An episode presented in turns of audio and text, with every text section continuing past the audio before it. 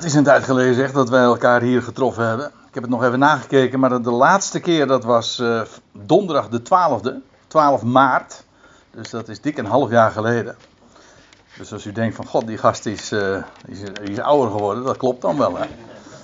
Denk ik van u ook hoor. maar ja, het is, uh, ja, wat die dag daarna, toen, toen begon al die ongein zeg maar. En uh, ik had nooit kunnen denken dat we een half jaar later uh, er nog zo dik in zouden zitten. Met al die uh, beperkingen en toestanden. Maar daar gaan we het natuurlijk verder niet over hebben. Want we, hebben, we gaan het hebben over belangrijke dingen, zal ik maar zeggen. Ja. Ik moet trouwens eventjes een correctie maken. Ik ga het nog eventjes thuis toepassen. Of, en, even aanpassen. En ik ga het vanavond inderdaad hebben over de over openbaring 16, over de zeven schalen, maar we zullen slechts de eerste vier schalen daarvan bespreken, want ik denk dat we daar onze handen aan vol hebben. Ah, zie daar, daar komen toch nog een paar uh, mensen die zich hebben opgegeven, dat dacht ik al. Want uh, op de lijst stonden een, ja, ruim 25 uh, man of zo. En die zaten hier nog niet, dus ik denk van nou die komen dan waarschijnlijk nog wel. En zie daar, Goedenavond, hartelijk welkom. Zoek een plaatsje. Dat moet. Sorry? Wij de beste smoes. De Kijk, ja, ja, ja. Nou. En dat in een tijd waar zoveel gesloten is, hè?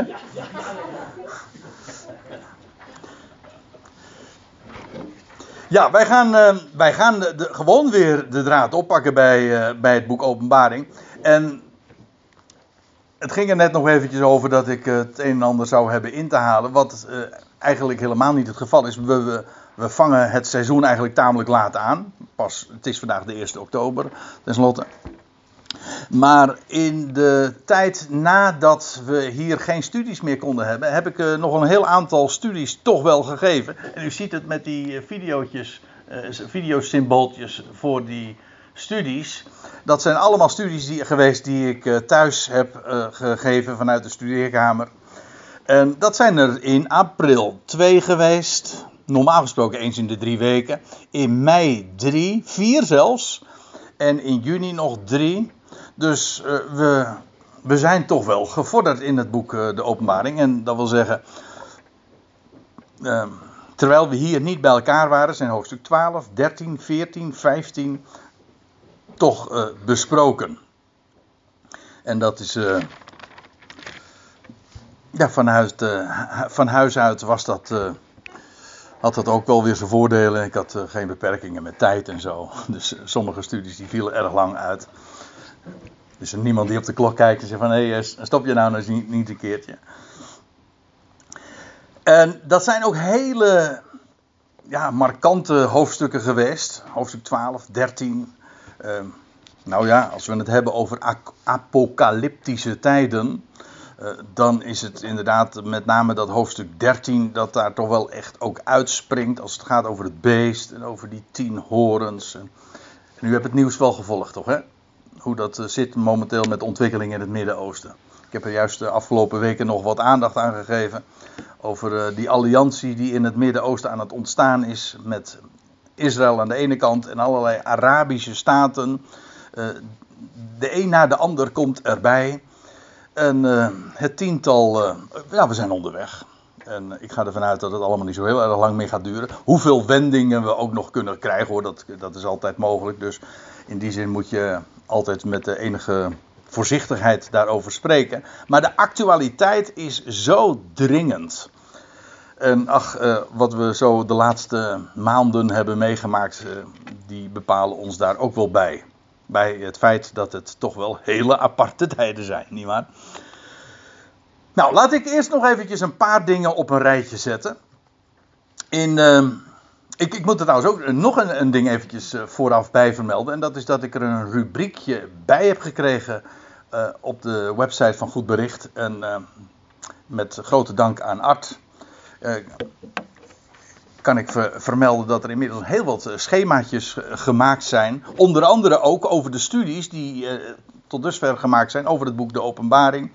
over bijvoorbeeld de vier fasen waar ik al eh, wel op gewezen heb. Maar Art heeft een prachtige schema's gemaakt en, eh, en trouwens nog aangevuld met eh, diverse andere onderwerpen. En je bent nog niet van me af, Art. Er komen er nog meer bij hoor. ja. En, wat ik even wil benadrukken. En om, om, nog eventjes in herinnering te roepen. Dat is dat vier fasen fases. Ik weet nooit goed hoe je dat in fatsoenlijk Nederlands zegt. Maar laten we het op fasen houden. Op vier fasen, die worden twee keer in het boek De Openbaring beschreven. Waarbij ik het even zo formuleer. Fase 1, de bevrijding van Israël. Fase 2, dan is Israël bevrijd. In fase 3 worden de volkeren bevrijd. En in fase 4 zijn de, zijn de volkeren daadwerkelijk bevrijd. Ik moet er trouwens bij zeggen dat fase 2 en 3 uh, eh, in elkaar steken. Want terwijl Israël bevrijd is, uh, worden de volkeren bevrijd, maar ook gericht en uh, voorbereid op de tijd die gaan komen. Nou, wat je dan ziet is dat in Doe ik het nou goed? Ja, uh, kijk, in hoofdstuk 4 en vanaf hoofdstuk 4 tot hoofdstuk 11, uh, eh, dan zie je de vier fasen. Dat wil zeggen, hier gaat het over uh, de periode van de zegels. Daarin, in, dat is de tijd waarin Israël bevrijd gaat worden. De periode ook van de 42 maanden. En dan bij het zevende zegel ontstaan, heb je de tweede fase. Israël wordt hersteld. De selectie van de 144.000, de grote schade. In hoofdstuk 8 en 9, daar uh, worden de, wordt de derde fase beschreven. Namelijk dat de volkerenwereld bevrijd wordt. De periode van de bazuinen. En dan bij de zevende bazuin, ja dan is het koninkrijk daadwerkelijk wereldwijd gevestigd. En diezelfde opeenvolging, je ziet het hier, keurig opeenvolgend, gewoon puur gefaseerd. Eerst Israël, daarna de volkeren. En diezelfde volgorde krijg je ook weer vanaf hoofdstuk 11 tot en met hoofdstuk 20. Eerst fase 1, dat wil zeggen die fase van de, de zegels, de fase van de 42 maanden, van, oftewel van de grote verdrukking. Dat is hoofdstuk 11 tot en met 13. Hoofdstuk 14 en 15, waar ik uh, thuis uh, dan uh, vanuit de studeerkamer zeg maar, de studies over heb gegeven. Dan, dat is de tijd waarin de volkeren worden onderworpen en deel uit gaan maken van het koninkrijk. En dat zeg ik nu niet goed, ik bedoel, dit is de tijd juist dat Israël hersteld zal zijn. Maar eh, in hoofdstuk 16 en 17 zijn de volkeren aan de beurt. En dan vanaf hoofdstuk 19 en hoofdstuk 20, ja, dan is het koninkrijk wereldwijd gevestigd. Wordt uitgebeeld in de, de bruiloft die gereed is. En de duizend jaren in hoofdstuk 20. Nou, wat ik er eigenlijk mee wil zeggen is uh, dat uh, het boek Openbaring heel duidelijk gestructureerd is en gefaseerd verloopt. En eigenlijk ook heel uh, een logische opbouw vertoont. Misschien is het handig, en ik weet zeker dat ik daarmee voor een aantal van u een, een dienst bewijs. En dat is, als ik nou eventjes een hele grove chronologische indeling mag maken. Wat we eerst nou hebben te verwachten is een periode van schijnvrede. Zeg maar eh, de ruiter op het, eerste, op het witte paard. Dat is wat er eerst gaat komen. Dan krijg je de periode van grote verdrukking, die 42 maanden zal duren, die speciaal verband ook houdt met Israël. Dan krijg je de periode van de zeven bazuinen of de zeven schalen, waar we het vanavond dus ook over gaan hebben, waarin de volkeren aan de beurt komen en daarna krijg je de duizend jaren. En nou wil ik nog even iets erbij vermelden en dan wordt het misschien nog wat handiger en duidelijker. Want na die periode van schijnvrede krijg je de wegrukking. Ja, dat speelt in het boek over de ook wel degelijk een rol. Want wat, wat, wat zag je in hoofdstuk 12? Hè? Die mannelijke zoon, die wordt weggerukt tot God en zijn troon. Dat is de Christus, hoofd en lichaam. En dan vervolgens, uh, ja, dan vlucht die vrouw voor 1260 dagen in de woestijn. En dan wordt ze bewaard en beschermd en verzorgd in ieder geval na de periode van schijnvrede krijg je de wegrukking. Dat, is met, dat luidt ook de grote verdrukking in. Dit is ook precies de tijd dat er een afgodsbeeld in Jeruzalem geplaatst zal worden en de offerdienst gestaakt zal worden. Want dan moet ik hem er ook nog even bij zeggen dan. Want in die periode van schijnvrede zal er ook weer een offerdienst in Jeruzalem zijn. Dat zijn allemaal dingen die eh, we dus eh, voor de nabije toekomst kunnen en mogen verwachten. Uh, daarna krijg je dus de wegrukking, de grote verdrukking. En na de grote verdrukking voor Israël, dan krijg je de verschijning van de Heer op de Olijfberg. Dan is Israël, vanaf dit moment, is Israël eigenlijk bevrijd. En wordt Israël hersteld in het land. Maar dan zijn vervolgens de volkeren nog aan de beurt. En dat is die periode dus van de zeven bazuinen. Die hebben we al besproken. En van de zeven schalen. Maar ik zal u laten zien dat dat volstrekt parallel loopt. De zeven bazuinen en de zeven schalen. Maar dit is dus allemaal na de verschijning van de Heer op de Olijfberg. En als hij zijn koninkrijk al gevestigd zal hebben in Jeruzalem. Alleen dan nog maar over Israël. Maar de volkeren worden er. Uh, ja, die komen vervolgens aan de beurt. Maar die moeten eerst ja, uh, recht gezet worden. En nou ja, dat is ook waar die bazuinen en die schalen allemaal toe dienen. En ja, als dat allemaal gereed is bij de zevende bazuin of bij de zevende schaal. Wat dus synchroon verloopt, min of meer. Ik zal straks nog eventjes een, een, maar daarbij plaatsen, maar min of meer is de zevende schaal dus gewoon de zevende bezuin. Ja, als, dan is het gewoon compleet, dan is het af, het is geschied. En dan breken de duizend jaren aan. En die duizend jaren worden daardoor gekenmerkt dat de volkeren niet meer verleid zullen kunnen worden.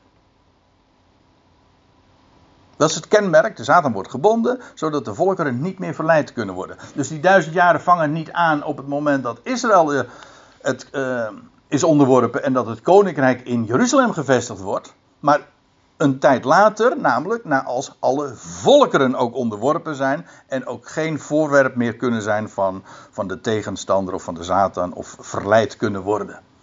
Dat is, de, dat is karakteristiek voor de duizend jaren. Dus het is heel belangrijk, het is een, rode draad door al deze 30 studies mag ik wel zeggen. En ook nog de studies die nog gaan volgen.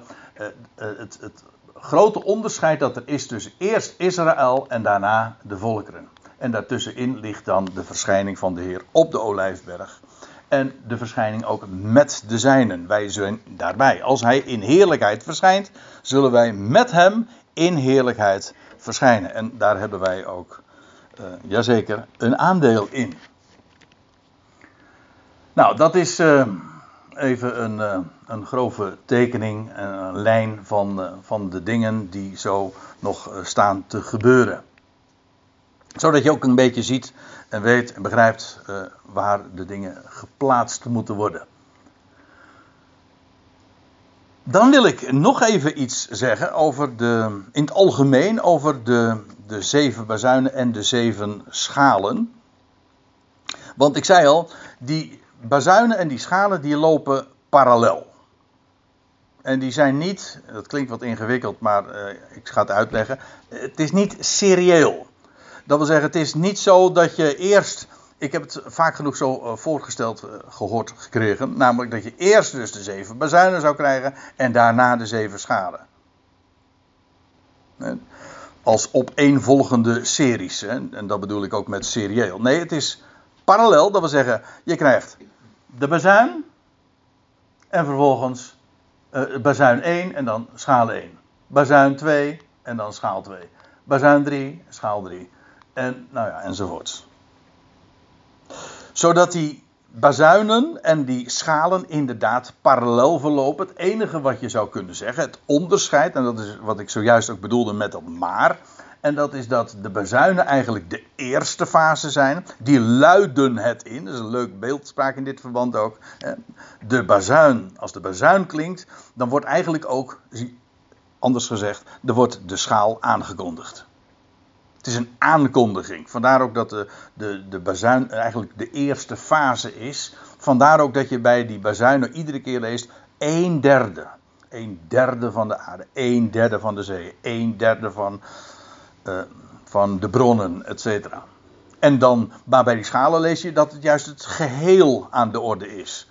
Zodat je duidelijk ziet van eer het begint bij uh, een deel, een derde, en dan breidt het zich uit. Er is trouwens nog een verschil. Um, bij die bazuinen, die in hoofdstuk 8 en 9 beschreven worden, dat hebben we dus al gezien. Maar daarin is de mens slechts indirect betrokken, of daar wordt de mens slechts indirect getroffen. Hij, is, hij ondervindt wel de consequenties, maar niet direct. Terwijl bij die schalen gaat, is de mens, of zo u wilt, de zijn de natieën, heel direct ook het voorwerp. Bij de bezuinen wordt iets aangekondigd. En er gebeurt er ook veel, maar het is een aankondiging. Bij de schalen is het echt de toorn van God die de mensheid treft. Waarom, dat zullen we straks ook nog zien. Ja, nou is, dit is uh, ontleend dus aan de, een van de schema's die Art gemaakt heeft. En die ik ook op de website heb staan. En ik heb hem een klein beetje ingekort om hem op het uh, plaatje te krijgen. Maar en dit is ook wat lastiger te lezen. Maar wat je dan ziet is dat bij de eerste uh, bazuin wordt de aarde getroffen. En bij de eerste schaal is dat eveneens het geval.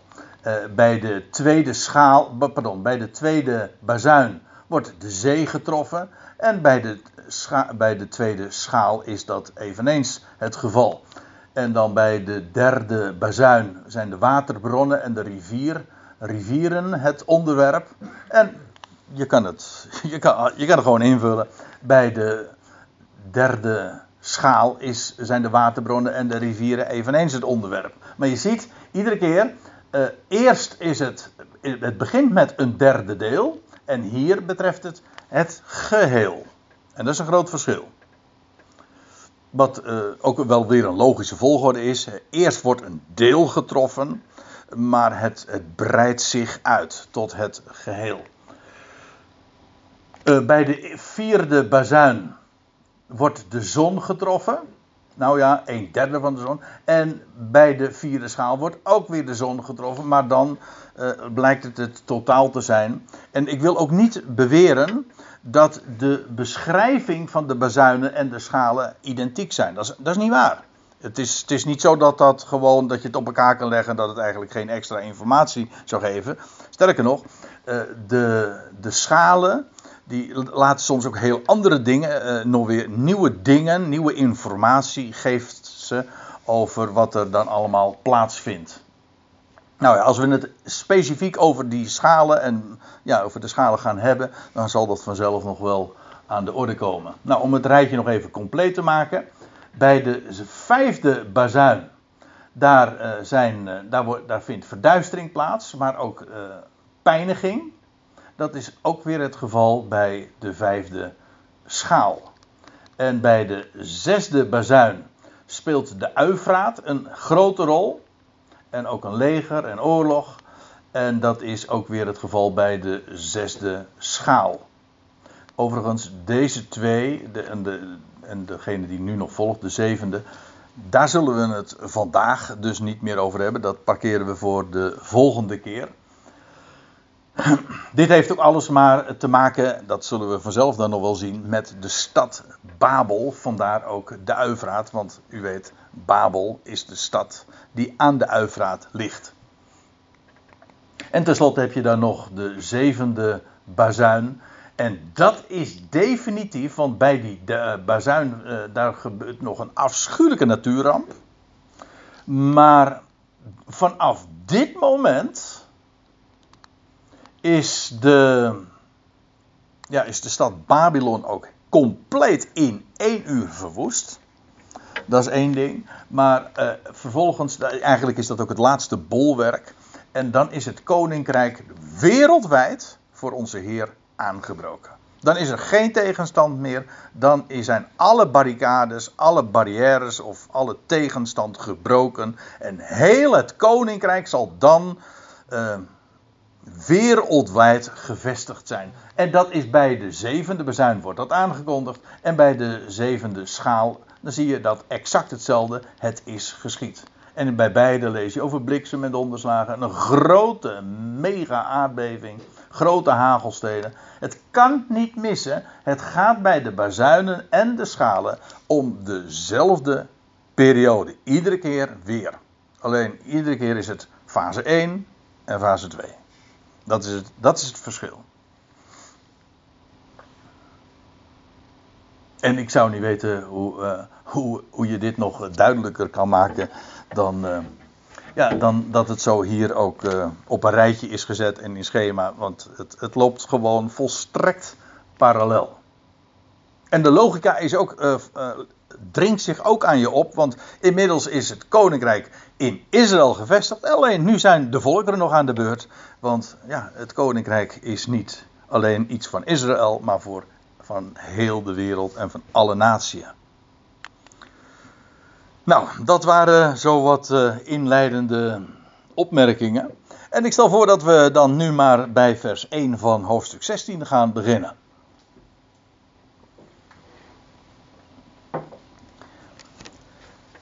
En daar staat in vers 1 dit. En ik hoorde een luide stem. Dat gebeurt nog eens een keer in uh, het boek De Openbaring. Dat Johannes toegeroepen wordt en dan inderdaad een luide stem. Letterlijk staat er trouwens een grote stem. Zo zeg je dat in het Nederlands niet. In het Grieks staat er trouwens het woord mega. En dat kennen we allemaal. Wij zeggen dan mega. Maar dat is het, uh, een Grieks woord en dat betekent inderdaad groot. Uh, ze, het is, uh, er is geen hoofdstuk in de Bijbel waarin dat zo groots is als, hoofd, als hoofdstuk 16 van Openbaring. Omdat daar het woordje mega elf keer voorkomt. Ik zal het u even laten zien. Een mega stem. Hier dus. Dat trouwens, later in het hoofdstuk vind je dat nog een keer over een, een mega stem die hij hoorde. Een mega hitte, een mega rivier, een mega dag, de grote dag, een mega aardbeving, twee keer trouwens, een mega stad, dat is Babylon. En, dat, en dan ook nog aangeduid als het grote Babylon, mega Babylon. En mega hagel en een mega plaag. Nou, daarmee heb ik dan toch wel aangegeven dat dit het hoofdstuk is. Een groots hoofdstuk. Grootse dingen zijn hier aan de hand. Dus als hier in vers 1 meteen staat van en ik hoorde een, een grote, een megastem, dan is dat met recht ook het, de inluiding, leuk woord, het, het inluiden van ja, iets heel groots, iets definitiefs. En ik hoorde een megastem vanuit de tempel, dat is hier de tempel van God in de hemel. Dat blijkt uit het laatste vers van hoofdstuk 15, of de laatste versen. Uh, tot de zeven boodschappers. In verband met de bazuinen lees je ook over zeven boodschappers. De zeven geesten die voor zijn troon zijn en ook de zeven boodschappers aan wie een bazuin gegeven wordt. En hier is wederom sprake van zeven engelen, zeven boodschappers. Die trouwens priesterlijk werk doen. En ik bedoel daar dit mee. Uh, in de eerste plaats dit. Je leest, maar nu moet ik eigenlijk even terugbladeren naar het, uh, het direct voorafgaande in hoofdstuk 15. Want eigenlijk hoofdstuk 15, ik weet niet of u allemaal uh, de studies beluisterd hebt. Ja, u hebt in ieder geval aardig de tijd gehad. Hè? Maar goed, het waren er ook heel wat. En, en, en, u hebt misschien nog wel andere dingen te doen. Maar in ieder geval in hoofdstuk 15, dat is een introductie van hoofdstuk 16. En daar vinden we de zeven boodschappers, die worden daar al inderdaad ook uh, in geïntroduceerd. En wat, ze, wat we dan lezen is dat zij de tempel van God in de hemel vullen uh, met de rook van de schalen. In, als u een statenvertaling hebt, dan, staat hier niet, dan wordt hier niet het woordje schalen gebruikt, maar violen. Niet met een V, maar met een F. En dus niet een muziekinstrument, maar een viool. Ja, we kennen dat uh, niet meer, maar dat is eigenlijk een, een schaal. Een hele uh, platte schaal. Waar dus maar weinig in kan. Maar dat is een attribuut dat, dat in de tempel veelvuldig gebruikt wordt. En dat je in, uh, in de boeken van Mozes ook vaak vermeld vindt. Het is alleen al het woord schaal. herinnert daaraan. En die schalen die worden uitgegoten, dat zijn, ja, dat zijn die violen dus. En die, die zijn gevuld.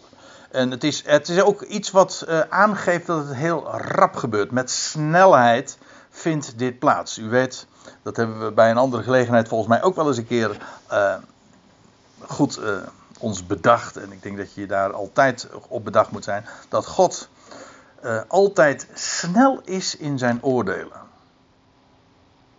Zijn oordelen zijn altijd, kunnen buitengewoon heftig zijn. Nou, hoofdstuk 16 van Openbaring is daar toch wel echt een voorbeeld van. Buitengewoon heftig, jawel, maar het gebeurt ook kort. En die schalen herinneren daar ook aan. Die, ze zijn zo uitgegoten. Dus gauw gedaan, het zijn, het zijn, geen, diepe emmers of zo. Nee, het zijn schalen en die worden uitgegoten. Ja. Uh, het idee daarbij is, waar, want waarom benadruk ik nu dat dat inderdaad iets het, uh, te maken heeft met de tempel en het heiligdom en met priesterlijk werk? Dat is omdat wat hier in hoofdstuk 16 plaatsvindt, feitelijk priesterlijk werk is. En wat doet een priester? Een priester heeft een bemiddelende functie. Aan de ene kant dat hij de, het volk representeert bij God maar ook het, uh, God representeert naar het volk toe. Dus uh, de spreekbuis van God voor het volk. Aan de andere kant ook in gebed, of in welke bediening dan ook, het volk uh, representeert, vertegenwoordigt naar God toe. Dus die bemiddelende functie. En dat, het priestelijke zit hem hierin dat die schalen een functie hebben om de wereld, de volkerenwereld, de natieën, eigenlijk gewoon wereldwijd, weer terug te brengen tot God. En ik denk dat het heel goed is om je dat goed te realiseren, want je zou door alle herrie, alle lawaai, alle heftigheid, dat zomaar vergeten en je verliezen in de, de emotie en de heftigheid en en dat wat er allemaal plaatsvindt. Ja, maar je moet goed het, het, het, het, grote geheel in de gaten houden. Namelijk dat wat hier aan de hand is, is dat van Gods wegen, want die schalen komen van boven. Hè?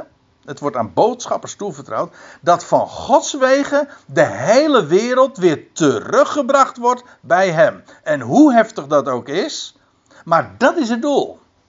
Dat zullen we later trouwens in dit hoofdstuk ook nog één of twee keer zien.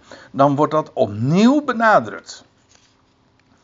Dus het, is niet, het zijn maar niet zomaar random uh, oordelen, gerichte rampen die plaatsvinden. En dat je, my goodness, waar, waar, is dat, waar is dat voor? Nou, daar worden we eigenlijk bij voorbaat al bij bepaald. Namelijk, het is priestelijk.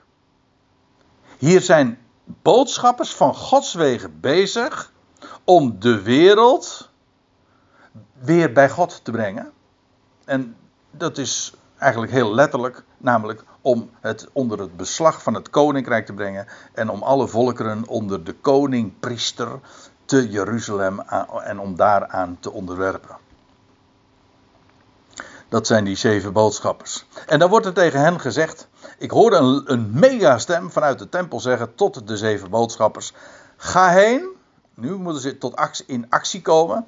En giet die zeven schalen uit. En wat zijn die schalen? Het zijn de schalen van de toren van God.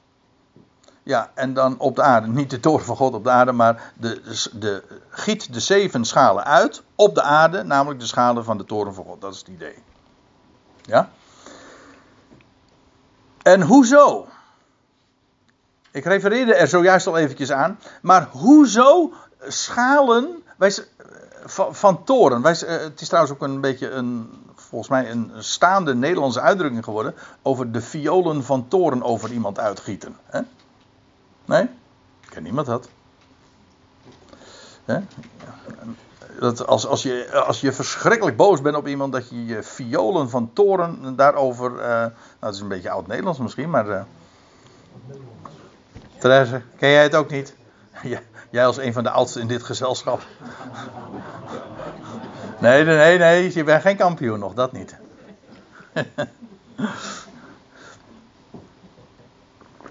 Ik, ik, weet, ik, ik vermoed zo. Ik ga er geen weddenschap om doen, maar ik vermoed zo dat als je in verdaling kijkt over de violen van Toorn, dan zul je terug uh, tegenkomen. Maar dat is, als, als je dat dan terugleest, dan is dat ontleend hier aan Openbaring 16. En het punt is dit. Kijk, en daarom is die setting ook zo belangrijk. Kijk, het koninkrijk is inmiddels gevestigd in Jeruzalem. Israël is hersteld. Er zijn allerlei gebeurtenissen die daarmee verband houden. We hebben wel vaker bij stilgestaan. Ze, eh, ze zijn naar de woestijn gebracht. En daar wordt Israël dan uh, verzameld. En dan trekken ze op naar het land. De, de het land wordt hersteld. Nou, dat is ook niet iets wat je zomaar even op een late namiddag even doet, natuurlijk. Maar daar in Jeruzalem wordt de, de, het koninkrijk gevestigd. En vanaf zijn troon, dat is een opwekkingslied. Uh, en daar staan soms hele onware dingen in, maar dit klopt echt als een zwerende vinger, ja. Dat klopt mega, ja. Namelijk dat hij vanaf zijn troon, dat is een hele Bijbelse gedachte, vanuit het middelpunt het gaat uitbreiden. Vanaf zijn troon vestigt de zoon zijn heerschappij. en dat begint, ja, inderdaad, in het centrum. In het middelpunt, in Jeruzalem.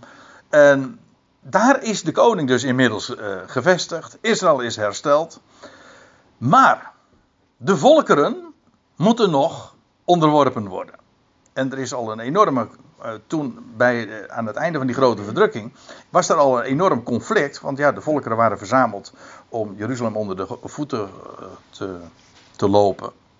En nou, toen is de, dan bij die gelegenheid verschijnt de Heer op de Olijfberg. Nou ja, dat, is, dat leidt eigenlijk de bevrijding van Israël in. Jawel, maar als Israël dan eenmaal hersteld is. Ja, wat gaat er dan gebeuren? Dat was hoofdstuk 7. Dan worden er 144.000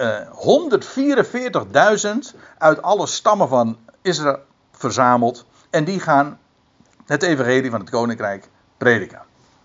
En dat is maar niet zo van... Uh, een, uh, een aardige uitnodiging, een advies of zo. Nee, de koning is daar. En ja, en dat is eh, een koning. Hè? Echt een, een, een, koning in de bijbelse zin van het woord. Dat is niet iemand die leentjes doorknipt, maar knopen doorhakt. Hè? En dat is de koning. Geen democratie meer, sorry. Maar echt een koning. Maar eindelijk ook echt slagvaardige heerschappij. Rechtvaardig, volstrekt. Nou, die koning uh, gaat zijn koninkrijk uitbreiden en hij zendt zijn 144.000 uit, in, uh, eigenlijk in het hol van de leeuw. Want ja, te midden van de wereld, die nog uh, haar tal van oordelen en gerichten zal ondergaan. En die 144.000 worden verzegeld. Ze worden beveiligd, hen zal niets overkomen. En zij gaan dat geweld, dat, die, die boodschap van het koninkrijk dan prediken. de wereld in het algemeen zal buitengewoon onwillig zijn. En van dat verklaart ook die, de, de, de, die schalen van toren. Kijk, ze kunnen er vanaf dat moment ook niet meer onderuit dat er één God is en dat hij werkelijk een realiteit is, de God van Israël is. Ja, dat is één ding, maar een ander ding is dat het uh, niet past in de, in de denkraam van de Verenigde Naties.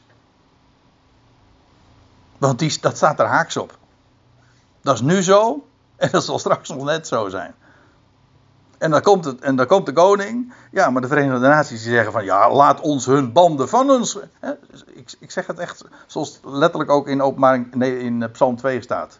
Hè, dat de, alle naties tezamen, gewoon de Verenigde Naties dus, die zullen tezamen spannen tegen de Heer, tegen Yahweh en zijn gezalfde. En komt, laat ons hun banden van ons. Uh, uh, hoe staat het?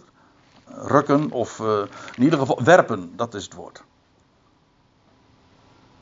En dan verzamelen ze zich inderdaad, dan gaan ze zich ook inderdaad verzamelen, wederom naar Israël. Maar dat is waar we het uh, de volgende keer wellicht over gaan hebben, ja, dat is dat Harmageddon. Dat uh, is dikwijls zeer misbegrepen, maar in ieder geval de nation die. Het is hier, er is hier sprake van een, een, een padstelling, zou je zeggen. Van een, ja, een groter conflict kun je niet denken. Het koninkrijk is. En ik weet het, het klinkt haast science fiction. Het is heel futuristisch. Ja, met recht. Want het is future.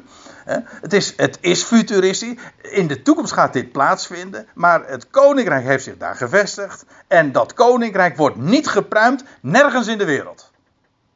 Nou, en dan is de vraag: wie gaat er winnen? Dan zou je zeggen van nou ja, gewoon, ja, dat zullen al de rest van de natie zijn. Want dat, die zijn de meerderheid. Ja, maar de meerderheid beslist niet. Dat, denk, dat denken de Verenigde Naties wel. Maar dat denkt, daar denkt de God van Israël toevallig net even anders over. En nou ja, kijk, en dat verklaart die toren van God. Oh, jullie willen niet luisteren. Kijk, dit is dus ook een hele andere setting inmiddels dan de tijd waarin wij leven. Hier gaan, wij leven in de tijd van de genade en ook van de verborgenheid. Het koninkrijk houdt zich verborgen en de mensen kunnen doen wat ze willen en ze kunnen God bespottelijk maken en er gebeurt niks, geen vlammen van de hemel, helemaal niets. Je kan lekker in gang gaan. Het de koning is verborgen, alles van hem is verborgen. is, hij grijpt niet in, is genade. Dat is ook wat we prediken. Maar dan, dat is een heel andere tijd. En u moet zich realiseren, voor alles onder de hemel, dat wist Salomo al, is er een bestemde tijd. Er is een tijd van zwijgen, dat is nu hè. God zwijgt in zijn liefde. Maar straks gaat hij spreken in zijn toren. Nou berg je dan. Want dan, dan, hij laat niet met zich spotten. En als die koning eenmaal daar gevestigd is, daar in Jeruzalem, ja, nou dan is er geen houden meer aan. En ja, dan zal de boodschap klinken, inderdaad, onderwerp je aan de koning. Kus de zoon, dat is ook Psalm 2. Kus de zoon. Dat wil zeggen, onderwerp je aan hem, want dan trek je aan het langste eind. En zo niet, ja, dan zal je toch echt het onderspit delven. Dus hier is sprake van die, die, die schalen van toren die uitgegoten worden uh, over, uh, over de wereld, over de aarde. Ja, waarom?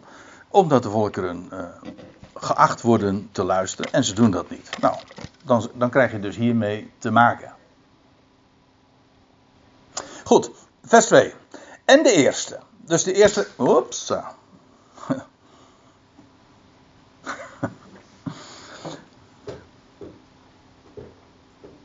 En de eerste ging heen, de eerste van die boodschappers, die engelen, zo u wilt. En hij goot zijn schaal uit op aarde, op de aarde. En dat de aarde hier, dat is ter onderscheiding van de zee in het volgende vers.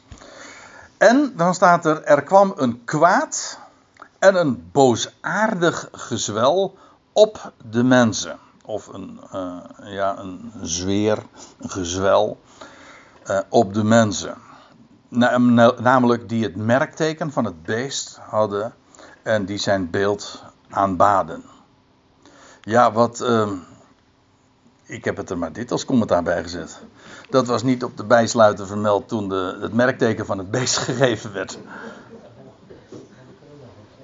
Ja, want je kan, kijk, je kan, er, je kan er op twee manieren tegen aankijken. Van hoezo dat boosaardige geweld. Dan kun je zeggen van ja, dat is gewoon, dat is uh, een, van bovenaf een straf van God.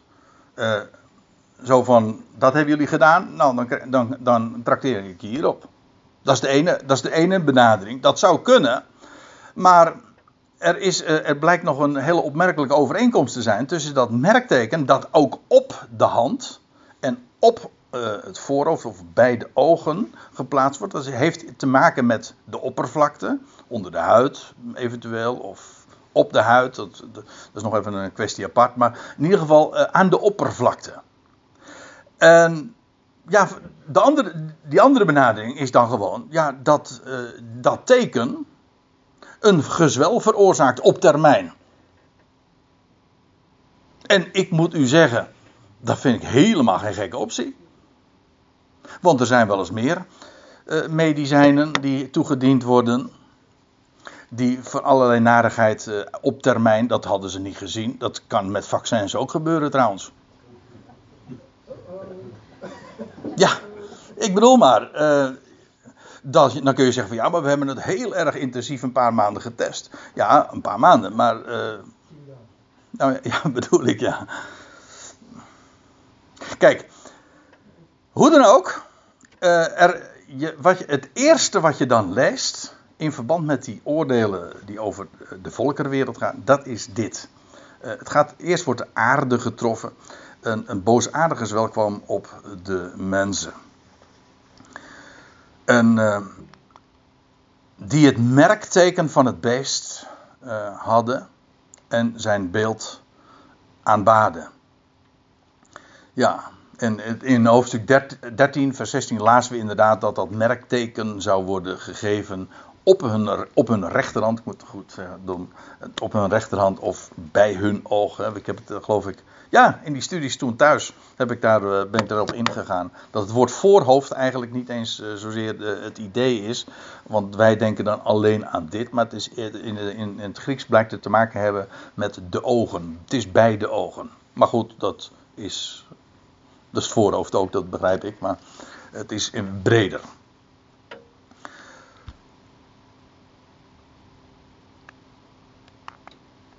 Dat is het eerste wat je dan leest. Een, het is een kwaad en een boosaardig gezwel. Dus dat is niet een, uh, een, uh, een, uh, een dingetje waar je even voor naar de huisarts gaat en die geeft jou een pilletje en dan is het weer over. Het, het is echt heel serieus. Zo wordt het beschreven. En dan, de tweede boodschapper. Hij goot zijn schaal uit in de zee. Dat staat bepaald, de. Je hebt iets onbepaald, dan is het een. Je hebt bepaalde lidwoorden en onbepaalde lidwoorden. Dit is een bepaald lidwoord en het is bovendien enkelvoud. Zee, niet zeeën.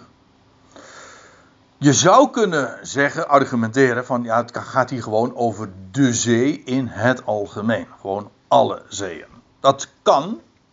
Het kan ook inderdaad over één specifieke zee gaan. En de meest voor de hand liggende dan is dat het gaat over de Middellandse Zee. Als uh, vanuit het perspectief van het land, van Israël, gesproken wordt over de zee, dan kan het of de Dode Zee zijn, maar dat, lijkt, dat is in dit geval uh, lijkt me uitgesloten. Uh, die is sowieso al dood, dus. maar ook de zee is doorgaans gewoon de Middellandse Zee. Daar opteer ik dan ook, daarom ook voor. Dat het over die zee gaat. Waar uh, de, de schaal over wordt uitgegoten. En wat er dan gebeurt is afschuwelijk. Want wat je leest. En zij werd bloed als van een dode. Gestold, rood. Ja, want u weet, bij een dode gaat het bloed stollen. Uh, en elke levende ziel die in de zee was, stierf. Dat, dat is heftig. Maar we kennen het fenomeen wel al vanuit de Bijbelse geschiedenis. Want uh, het werd ooit, uh, vond zoiets plaats op een veel kleinere schaal. Namelijk bij of in de Nijl. Die ook op de Middellandse Zee trouwens uitkomt. Dat lees je in hoofdstuk 7 van Exodus. Daar lees je ook inderdaad dat alle vissen daarin uh, doodgingen. En men kon ook uit de, de Nijl niet meer drinken. Ja, het was gewoon. Wat, wat, uh, wat het die rode kleur gaf, of wat het al, op bloed deed gelijken, uh, weet ik niet. Wordt ook niet beschreven. Maar zo, wordt het, zo wordt het ons voorgehouden. En die hele zee. Ik heb wel eens begrepen dat de zee, de Middellandse Zee, ook in onze dagen.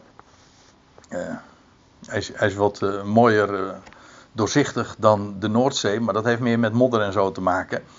maar dat hij vooral ook zo mooi doorzichtig is door veel chemicaliën. Dat lijkt me ook stug hoor, maar misschien was dat een beetje een chemie.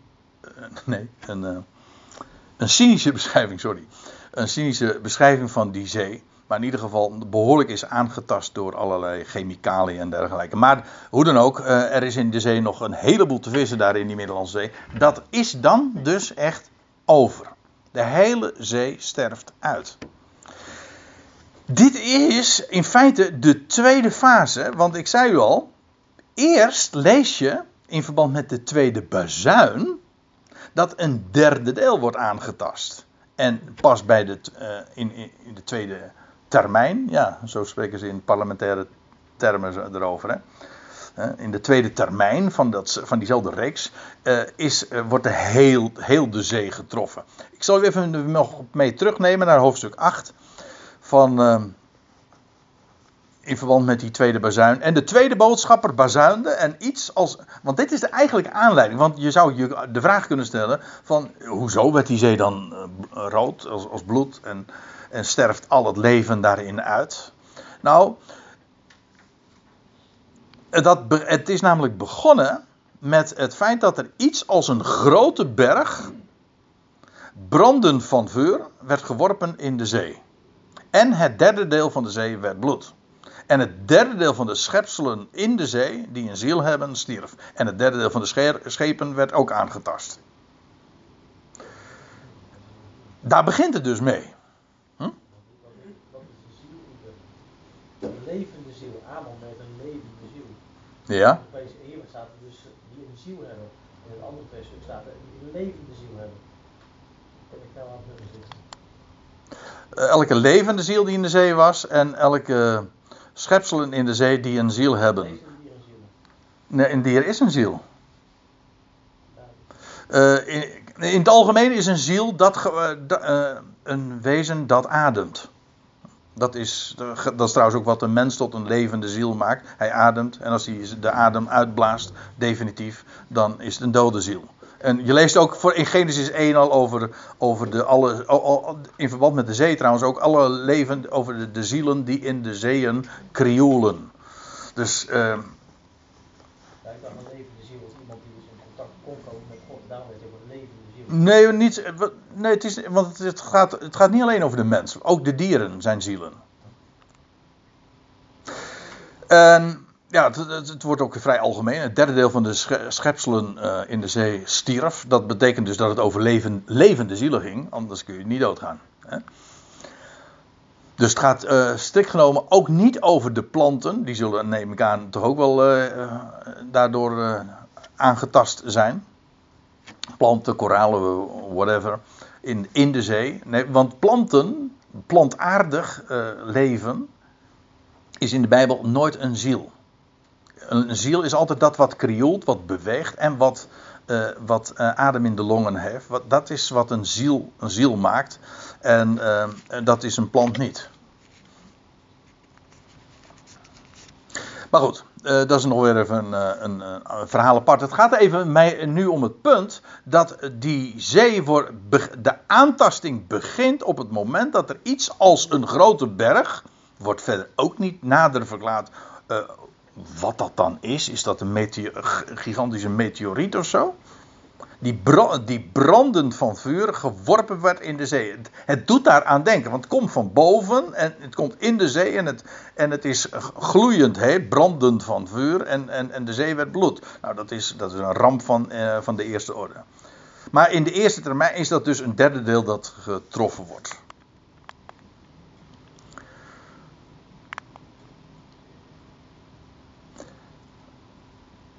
En ja, laat ik vers 4 er ook nog even bij betrekken. En de derde, de derde boodschapper, die ook een schaal had gekregen, die, die goot zijn schaal uit in de rivieren en de waterbronnen. En het werd bloed. Oei. Eerst dus, eerst werd dus het land getroffen, toen werd de zee getroffen. En nu zijn de rivieren en de waterbronnen aan de beurt. Precies zoals je dat ook met, uh, in verband met de bezuinen las. En het werd bloed. Dus eerst waren de wateren in de zee die uh, bloed werden. En nu zijn ze ook. Uh, nu zijn ook de rivieren aan de beurt en die werden bloed. Maar ik moet erbij zeggen, in de eerste fase was dat nog anders. Want uh, toen dan lees je dat ze, als, dat ze bitter worden als alzen. Ik neem u weer even mee naar hoofdstuk 8. Uh, als het gaat over die derde bazuin, de derde boodschapper die de bazuin blaast. En dan lees je dit. En de derde boodschapper bazuinde. En vanuit de hemel, hier staat het dus expliciet, viel een grote ster, brandend als een fakkel. Dus uh, dat is trouwens in het algemeen wat je diverse keren leest in het boek De Openbaring. Dat uh, ja, vanuit de, ja, de sterrenwereld, vanuit de, de, vanuit de ruimte, dus uh, grote, een berg, of een steen, of een fakkel, of een grote ster. De, de, de, aarde raakt, of in dit geval de waterbronnen aantast. Ja? Ik denk aan uh, wat je net zei in die vorige, hè, van die komeet dat het uh, brandend van vuur. Ja. Dat ik in een artikel had gelezen, de meest actieve vulkaan van Europa glijdt richting zee. Dat is de Etna. Zou het ook nog kunnen zijn? Ja. Komt namelijk ook van boven in de zee, ja. Ja, nou ja, precies. En als je tot leven komt. Ja, en uh, iets als een grote berg. Hè? Ja, ja. Iets als. Ja, maar goed, dat. Uh, het is geen. Ja. Nou, dat zou daar toch aan, uh, aan die beschrijving kunnen voldoen. Ja, dat is een hele goede optie. Ja, dus dan praat je dus niet over, uh, over iets wat uit de ruimte komt, maar. Een brandende vulkaan die langs in de zee. Ja. Ja. Nou ja. Ja. En het ligt centraal in de Middellandse Zee. Ja. Maar die schepen worden ook aangetast. Ja. staal aangewerkt worden? Simplistisch gezegd. Ja. Ja. Ja. Ja, dat weet ik niet. Kijk, het, het punt is altijd natuurlijk, als je bij zoiets, als je zoiets leest, uh, er wordt heel wat gezegd. Maar ik moet er ook bij zeggen, er wordt een heleboel niet gezegd. Namelijk de, de, de allerlei details, die vragen die je zou kunnen stellen. Ja, welke berg is dat dan? En, en hoe worden ze aangetast? Wat gebeurt er dan? Uh, ja, uh, dan, we, we, moeten het doen met de tekst die zich hier, die dat zo ons onthult. Ja, dan, ik wil nog even naar openbaring 8 gaan. Uh, wat ik zojuist al even aankondigde. Dan lees je in openbaring 8 in verband met die derde boodschapper die bazuinde. En vanuit de hemel viel een grote ster, brandend als een fakkel. En er viel op, en er viel op het derde deel van de, van de rivieren. Zou je, kan je ook weer allerlei vragen stellen. Hoe kan dat dan? Uh, hoezo een derde deel van de rivieren? Maar goed. Uh, en op de bronnen van de wateren. En de naam van die ster die wordt Alzem genoemd. Dan, mag ik aannemen. Je krijgt dan, als dat pla plaatsvindt, krijgt de naam Alzem. En het derde deel van het water werd tot Alzem. Dan weet je ook meteen waarom ze die, uh, die ster zo noemden. Want, en vele van de mensen stierven en van het water dat bitter was geworden. Bitter als Alzem. Ja, en hier is dus sprake van dat de, bij de derde schaal zijn ook de rivieren en de waterbronnen, maar daar zijn ze inmiddels bloed geworden. En ook hier kan ik me heel goed voorstellen dat hier sprake is van de eerste fase, waarbij een derde deel nog maar getroffen is. En alles bitter is. En in later instantie is het geheel van waterbronnen en rivieren aangetast en werd bloed. Ik zei al, je kan talloze vragen hierbij voorstellen. Maar één ding moet toch, is volstrekt helder. Dit, is, dit zijn afschuwelijke dingen die over de aarde gaan uh, gebeuren. En uh, ja, uh, je zou je de vraag kunnen stellen van André, vind jij niet dat je je even moet excuseren dat je op de eerste Bijbelstudieavond zulke heftige onderwerpen meteen uh, aan de orde stelt? Ja, nou, dit was, het dit was hoofdstuk 16, was inmiddels aan de beurt. En we bespreken gewoon dat wat zich aandient. En ik moet er ook aan de andere kant bij zeggen, ik word enorm getroost door het gegeven wat ik zojuist al even aanvoerde, van, over het feit dat het priesterlijk, priesterlijke gerichten zijn. Het brengt op termijn, dat is de doelstelling, de wereld bij God. Dat is één ding. En aan de andere kant, uh, het doet ook de dingen die we nu zien en gebeuren. In het, je plaatst het in perspectief. Waarvan nu gezegd wordt van oh, oh, oh, oh, oh. Nou, dan denk ik van, wacht maar. Dat is echt zo. Dit, uh, dit, is, dit, zijn geen, dit zijn geen sprookjes, dit, zijn maar niet, dit is niet zomaar eventjes uh, avondlectuur of uh, iets wat je eventjes op je nachtkastje legt. Nou ja, nee, dit zijn zulke heftige dingen. Maar we praten hier ook over, vergis je niet, de transitie van deze Aion, die boos is tot op het bot, verdorven en verdraaid. En dat gaat culmineren, dat komt op een dieptepunt. Ja, en dan gaat God ingrijpen. En dat zal zo een enorme clash zijn. Ja, en dat is wat het boek De Openbaring beschrijft. Ja, en dat is, dat is heel serieus. Maar als je dan ziet waar het uh, toe leidt, hè, die zeven schalen, hoe, hoe bij de zevende schaal alles voltooid is en hoe alles inderdaad rechtgezet is en dan dat het koninkrijk aanbreekt, dan zeg je van, ah, het komt dus toch goed. Hoe heftig, het, hoe heftig het ook is, maar het komt toch op zijn bootjes terecht. Ja, dat is het geweldige, want we hebben een God. En die is hier aan het werk en die uh, grijpt in. Nou, uh, ik zie dat het inmiddels, want ik heb mijn aangezicht, ja, niet op het oosten, maar nou. dus ik stel voor dat we eerst even een kopje koffie gaan drinken. En dan gaan we straks nog verder met de rest van dit hoofdstuk. Wij pakken de draad weer op. En dat viel niet mee, zoals jullie zojuist konden zien. Want soms ben je helemaal de draad kwijt tussen al die snoeren hier.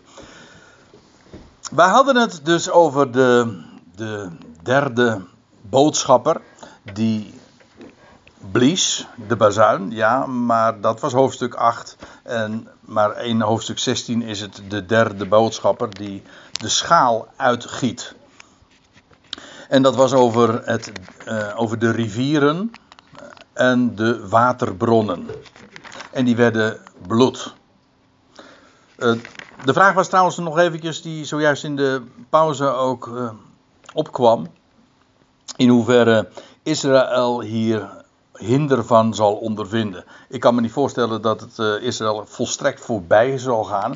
Maar ik vergelijk het met de oordelen die ooit het Egypteland troffen. En Israël bevond zich in het land Egypte, namelijk in het, de streek, in het gebied van Gozen. En dan lees je inderdaad dat wat er ook uh, gebeurde met Egypte, dat Israël daar die zone was waar ze daar helemaal vrij van waren. Uh, ongetwijfeld zullen ze het gemerkt hebben, maar het trof hen niet uh, pijnlijk of zij waren geen voorwerp van al die, van al die uh, verschrikkelijke dingen. Dus uh, dat moet natuurlijk ook, uh, dat kun je je voorstellen, ook enorm kwaad bloed hebben ge, gezet bij, bij de Egyptenaren in die dagen. En zo zal het straks ook weer zijn dat als de rampen dan over de wereld gaan, dat dat, dat gebied, dat kleine gebied, want dat is er dan in feite nog, hè, dat piepkleine gebied van Israël, uh, daar helemaal van gevrijwaard is. Uh, ook dat zal opnieuw weer zijn, uh, die, die, die, die toorn ook van de volkeren oproepen. Want we hebben te maken hier met de toorn van God. Ja, dat is de ene kant. Maar het is ook, ook dat hebben we trouwens eerder gelezen in het boek Openbaring, over de toorn van de volkeren. Ja, die zich ontbrandt ja, tegen dat tegen, dat, tegen die herstelde natie van Israël.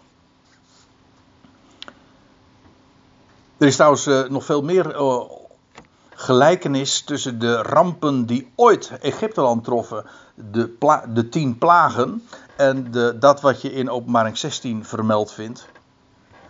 Ik zou er eigenlijk even een diaatje van moeten maken. Dat is misschien een goed idee voor de volgende keer.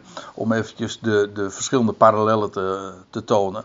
Maar we, nou ja, waar we nu het over hebben is bijvoorbeeld de rivieren die bloed werden. Nou ja, dat is één op één vergelijkbaar met de Nijl, waar dat ooit uh, het geval was.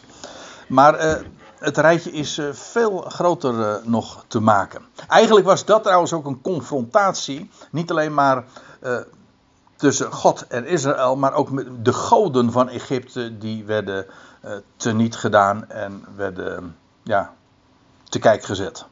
Om het even netjes te zeggen. Goed, eh, vers 5. En ik hoorde de boodschapper van de wateren zeggen. Eh, je zou, men heeft dat eruit geconcludeerd en ik, ik denk niet dat de gedachte op zich zo onbijbels is. Uh, sterker nog, daar zit best wat in. Dat uh, de verschillende elementen, zoals hier de wateren, de aarde, of nou ja, whatever, het vuur, dat die elk ook een, een engel, een representant hebben, een boodschapper. Hier is sprake van de boodschapper van de wateren. Je zou eruit kunnen afleiden dat ook, kennelijk hebben de wateren een, een representant in de hemel, de boodschapper van de wateren. Maar ik, ik vraag me af of dat per se de gedachte moet zijn, want hier, het gaat hier gewoon, eh, je zou ook kunnen verdedigen, namelijk dat het gaat over de boodschapper van de wateren, waar het hier namelijk over gaat. De boodschapper, die, uh, die, uh, dat die zelfs identiek is aan degene die die schaal hier uitwierp over de, de rivieren en de waterbronnen. En dat deze boodschapper van de wateren, hier, nu iets gaat zeggen. Ook dat ligt weer open, het kan, het hoeft niet per se. Maar daar, ik, daarom zeg ik ook, ik, ik wil ervoor waarschuwen om daar al te stellige conclusies uit te trekken, want het hoeft namelijk niet. Maar de, de optie uh, is uh, het overwegen waard. Ik hoorde de boodschapper van de wateren zeggen: uh, Dit is een gebed dan.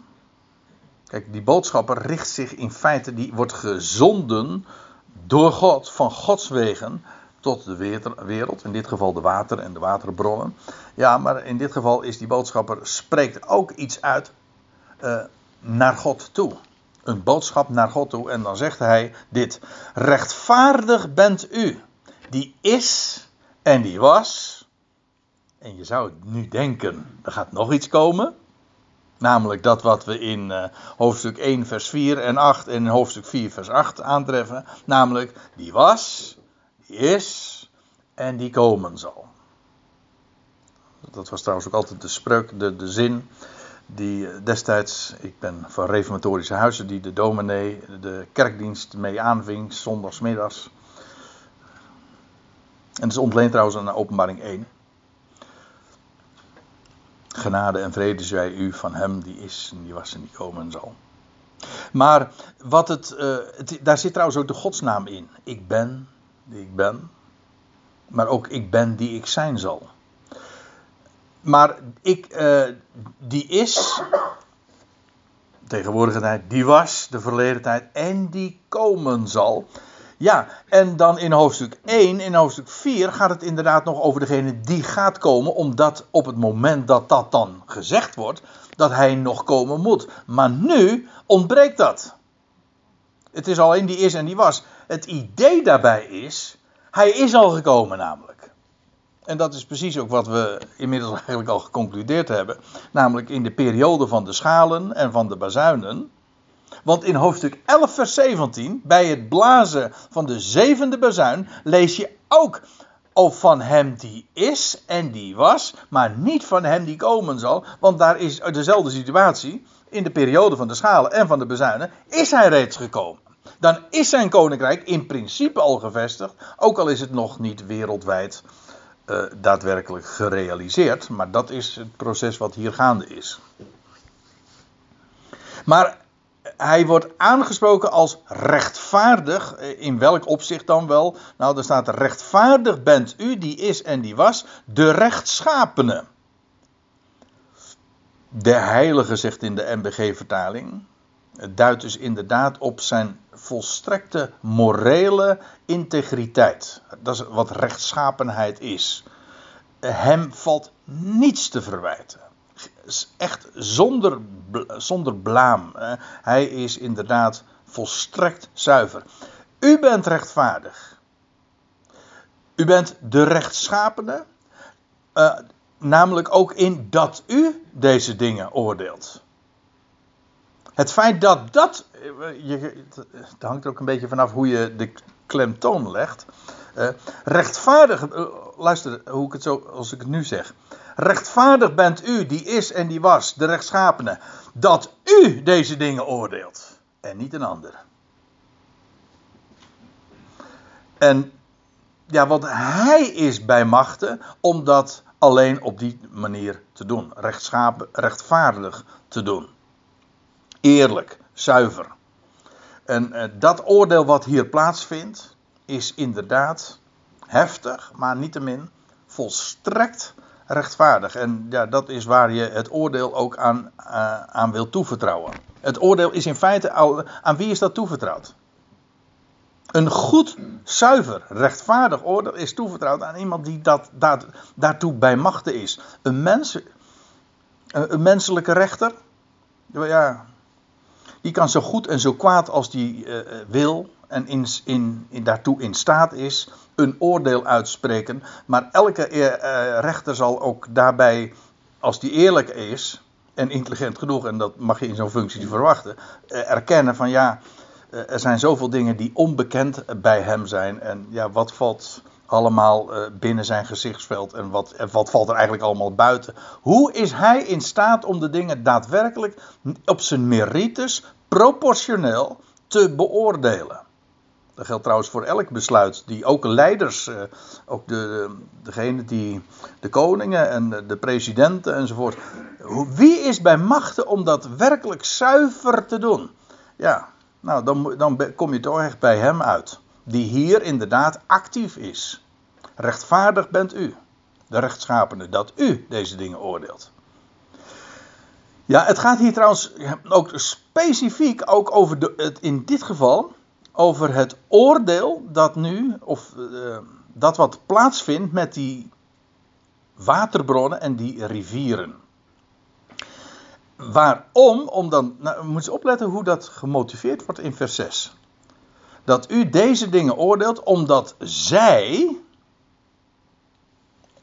de wereld die nu eigenlijk hier door deze oordelen getroffen wordt, omdat zij het bloed van heiligen en profeten vergoten.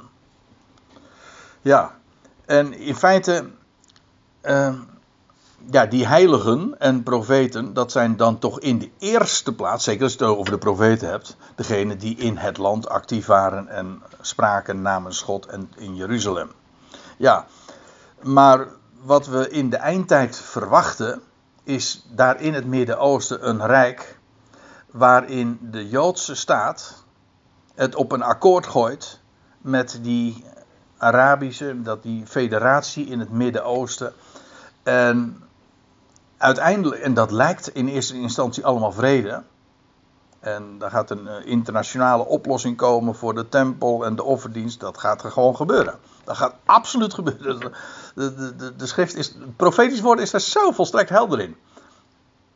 Ja, totdat er een afgodsbeeld geplaatst gaat worden daar in Jeruzalem. En dan keert alles om. Want dan gaat er een enorme verdrukking plaatsvinden in het land. En zullen er vele martelaren zijn. Ja, twee getuigen zijn onaantastbaar daar op het tempelplein. Die, die, die zal niets uh, gebeuren. En er is een overblijfsel in de woestijn. Die overkomt ook niks. Maar allen die in het land uh, in, uh, gehoor hebben gegeven aan die twee getuigen. En dat getuigenis. Ja, die, er zal afschuwelijke verdrukking plaatsvinden. Als er nooit geweest is. Dus daar vindt uh, er komt een, een, een overblijfsel ook in het land en in de verdrukking. En ja, die, daar in het Midden-Oosten wordt. Uh, we hebben het gehad over het beest uit de zee, hè, die, uh, de leider van de volkeren, van die federatie. Maar ook dat beest uit het land de leider in het Jood, van de Joodse staat, die het op een akkoord zullen gooien. En die inderdaad gezamenlijk zich zullen richten tot de, tot de heiligen van de Allerhoogste, zo heten ze. Dat wil zeggen het overblijfsel, het Joodse overblijfsel, dat Paul zal staan voor de Messias. Ja, maar die zullen, zij die in het land zijn, zullen dan omkomen. En een vreselijke zware verdrukking ook ondergaan. Nou, daar worden zij hiervoor verantwoordelijk gehouden. Dus niet alleen maar iets in het land, ook die hele federatie, dat beest, dat rijk, eh, is daarvoor verantwoordelijk, voor dat bloedvergieten. We zullen daar eh, eh, ook nog over gaan hebben wanneer we in hoofdstuk 17 en 18, vooral 17 ook aangekomen zijn, over Babylon en de rol die die stad nog gaat vervullen daarin. Is buitengewoon boeiend, moet ik zeggen ook. Ernstig, maar ook heel boeiend eh, om, je, om je dat in deze tijd te realiseren, hoe die, eh, hoe die lijnen zich al gaan aftekenen. En ook, ja, wat zegt de schrift daarover?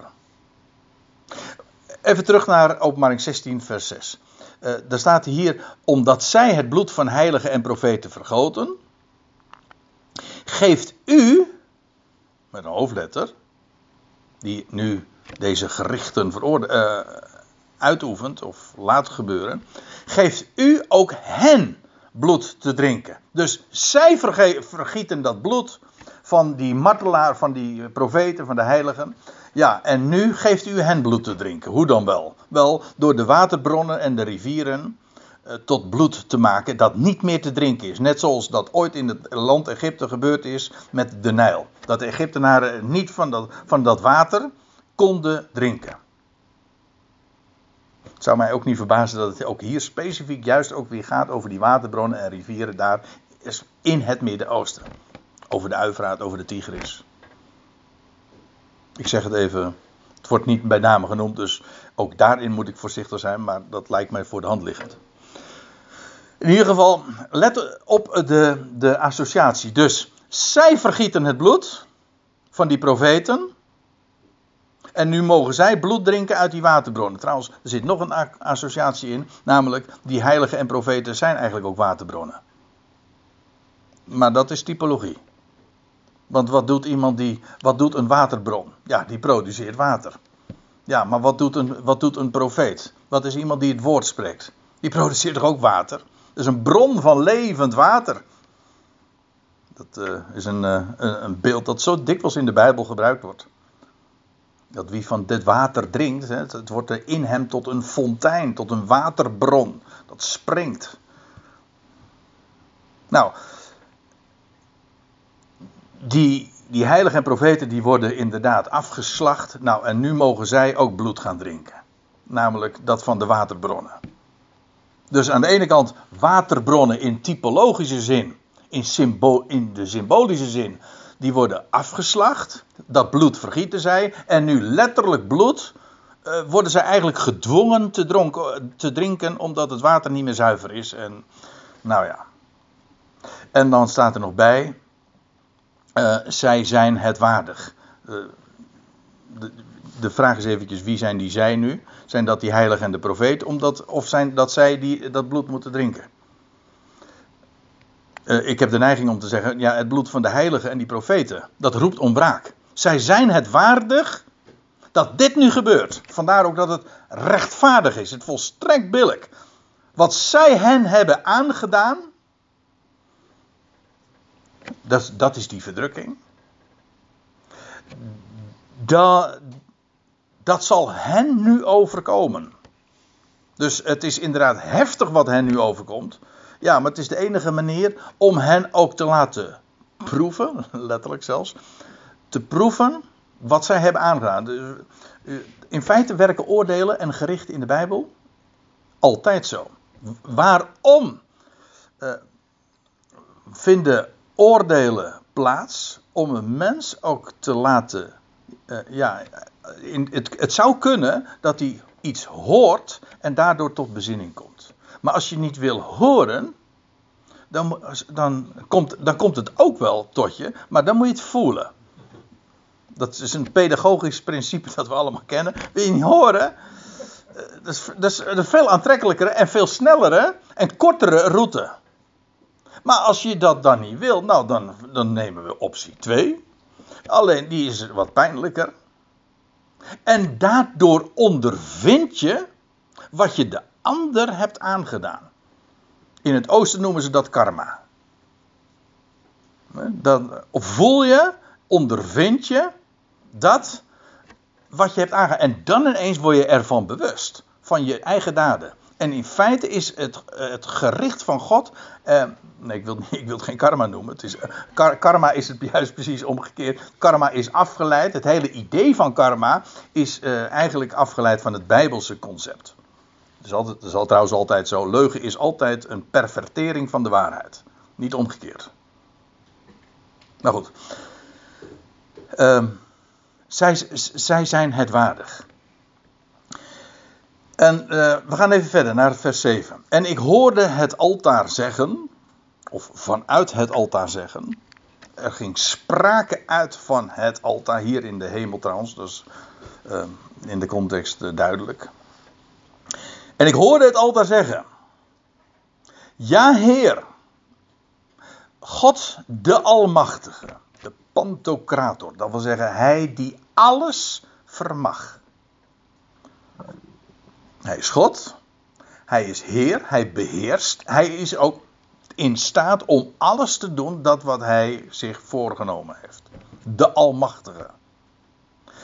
En dan wordt daar gezegd van het altaar, uh, de, of dat altaar zegt, ja Heer, God de Almachtige, waarachtig en rechtvaardig zijn uw oordelen.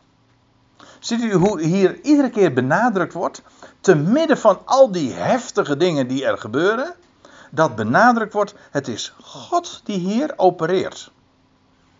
Pijnlijke operaties, maar het is waarachtig en ook rechtvaardig en in al zijn gericht oordelen. Ziet u trouwens dat hier het woordje oordeel, daar staat het woordje. Dus je kan het gewoon zo lezen. Zelfs als je helemaal geen Grieks kent, dan weet je, er staat hier crisis. Ons woord crisis betekent, komt uit het Grieks. Kritiek trouwens ook. Kritiek is een oordeel of een beoordeling. En crisis, een crisis is een oordeel. En, en hier gaat het trouwens over oordelen. Ja, maar eigenlijk de oordelen God, dat zijn even zoveel crisissen, dat is toch het woord hè? Ja, crisissen die hij inderdaad laat ondergaan. Maar die crisissen die zijn inderdaad vreselijk. Nou, dat, we hebben er nu vier gezien. En we moeten er nog, uh, we krijgen er nog drie. Nee, eigenlijk, nou, nee, ja, drie. Drie plagen, drie uh, schalen nog. Dat is vreselijk en heftig, maar het is in alle opzichten ook waarachtig en rechtvaardig. Waarachtig, dat wil zeggen, het is zuiver. Er is niets op aan te merken. Het is ook altijd proportioneel. Het is niet te weinig. Het is, het is niet slap. Het is niet zacht. Nou, dat lijkt me wel duidelijk. Maar het is ook, en daar moet ik er ook bij zeggen. En dat zeg ik even voor de, voor de, de christelijke orthodoxie. Die kent dat niet. Die durft eigenlijk ook niet over oordelen te spreken. Nou ja, in een bepaalde categorie wel. Maar die hebben er geen idee van. Waarom? Omdat die geen God kennen die rechtvaardig oordeelt. Rechtvaardig oordeel wil altijd zeggen proportioneel. Niet te, niet te weinig. Het moet wel, er moet recht gedaan worden. Er moet ook iets recht gezet worden. En dat kan pijnlijk zijn, maar dan is het soms ook nodig om zo in te grijpen. Dan moet je niet, dan moet je, hoe was het ook alweer? Uh, uh, maken stinkende wond. Zachte, heel, ja, zachte heelmeesters, dat was hem. Zachte heelmeesters maken stinkende wonden. Dat moet je niet doen. Goed, dan opereer je niet goed. Dan snij je niet goed. Dat is, snijden is een pijnlijk proces. Ja, maar dat moet je goed doen. En, en dat is wat hier ook gebeurt. Het is inderdaad zuiver, maar altijd in proportie. Nooit ook te veel dat is ook heel karakteristiek, want daar hadden we het al even eerder uh, over. Als we het hebben over de oordelen Gods, die zijn altijd kort. Een ogenblik duurt zijn toorn, maar een leven lang zijn goede tierenheid. Dat, dat zijn de verhoudingen. Dat bedoel ik met proportioneel. En al gaat het er nog zo heftig aan toe, het zijn schalen. Ik had het er al eerder over. Het zijn zeven schalen. Buitengewoon heftig, maar A, het is toch kortstondig, relatief gezien. En het is proportioneel. Dat wil zeggen, het, het heeft een doel. Het is niet een doel op zich. De, de oordelen zijn niet zomaar van: ik zal, ik zal je betaald zetten. En, want dat zijn trouwens, dat, is, dat zijn van die volksgerichten. We, we kennen dat fenomeen wel van uh, dat als, als, een, als, als een mens boos is, en zeker als een massa boos is, en, en, en die gaat dan zich over een, een bepaalde dader, al een vermeende dader, zich. Uh, gaat zijn, de violen van toren daarover uitgieten. Dat is altijd disproportioneel. Zo, Maar die, dat is niet rechtvaardig, dat is niet billig. Gods oordelen zijn altijd zodanig dat het niet te veel is. Op het moment dat het zijn werk gedaan heeft, dan houdt het op. En dan, dan zie je trouwens ook hoe het hele christelijke concept van de oordelen, van de eindeloze, de eindeloze hellestraf, dat is gewoon, ik zeg het hier even luid en duidelijk, een demonische leer. Waarom? Omdat het een, een vertekening is van de rechtvaardige God, die juist altijd inderdaad oordeelt. Moet je nooit wegvlakken. Ook die, dat is uh, helaas ook een, een, een, stroming die je heel vaak hoort, van die, waarbij God altijd. Uh, en, en het hele evangelie lief, zoet en aardig gemaakt wordt. Dat is gewoon slappe hap. Dat is, uh, het is ook een vertekening van de Bijbel. En van wie God is. Maar God is altijd degene die rechtvaardig oordeelt en alles tot een goed einde brengt. En het hele idee van een eindeloze hellestraf, ja, dat is, ja, dat, het woordje disproportioneel vind ik zelfs nog veel te, veel te, ja, het, het, is gewoon, het slaat helemaal nergens meer op. Dat is gewoon, dat kent geen einde. Ik, ook geen, geen doeleinde trouwens. God oordeelt gewoon uh, tot in het eindeloze zonder dat het een doel heeft. Ja. Wie verzint zo'n leer? Dat komt regelrecht uit de afgrond. Ja, ja dat komt uit de afgrond.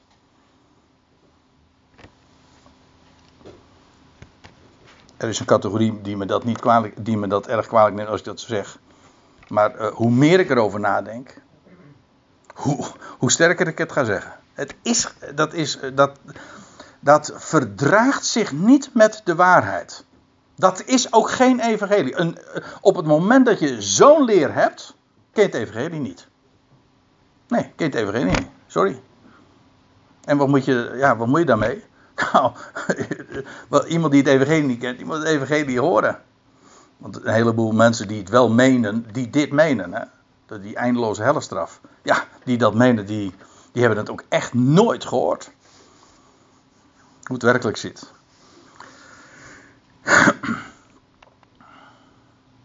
Ja. En ik wil er ook in dit verband trouwens nog even bij zitten, wat ik hier ook uh, als aantekening bij heb vermeld. Namelijk dat de oordelen zijn inderdaad priesterlijk. Ze houden verband met het altaar. En dat betekent dus, het dient om de verbinding van God en mensen uh, te herstellen. Trouwens ook via een priesterlijk koninkrijk. Namelijk Israël. Israël dat inmiddels tot zijn bestemming is gekomen en geroepen is om een koninkrijk te zijn van priesters. Dat is openbaring 1 vers 3, 4, wat is het? Kijk maar naar, 5. Ja, deze wil ik, uh, moet ik er dan ook nog bij betrekken. Uh, daar staat er dit, de vierde. Dat is de laatste die ik nog. Kan het nog? Makkelijk. Mag wel, hè? Ja, oké. Ja, als je een half jaar gezwegen hebt hier, dan moet je. Mag wel door. Ja.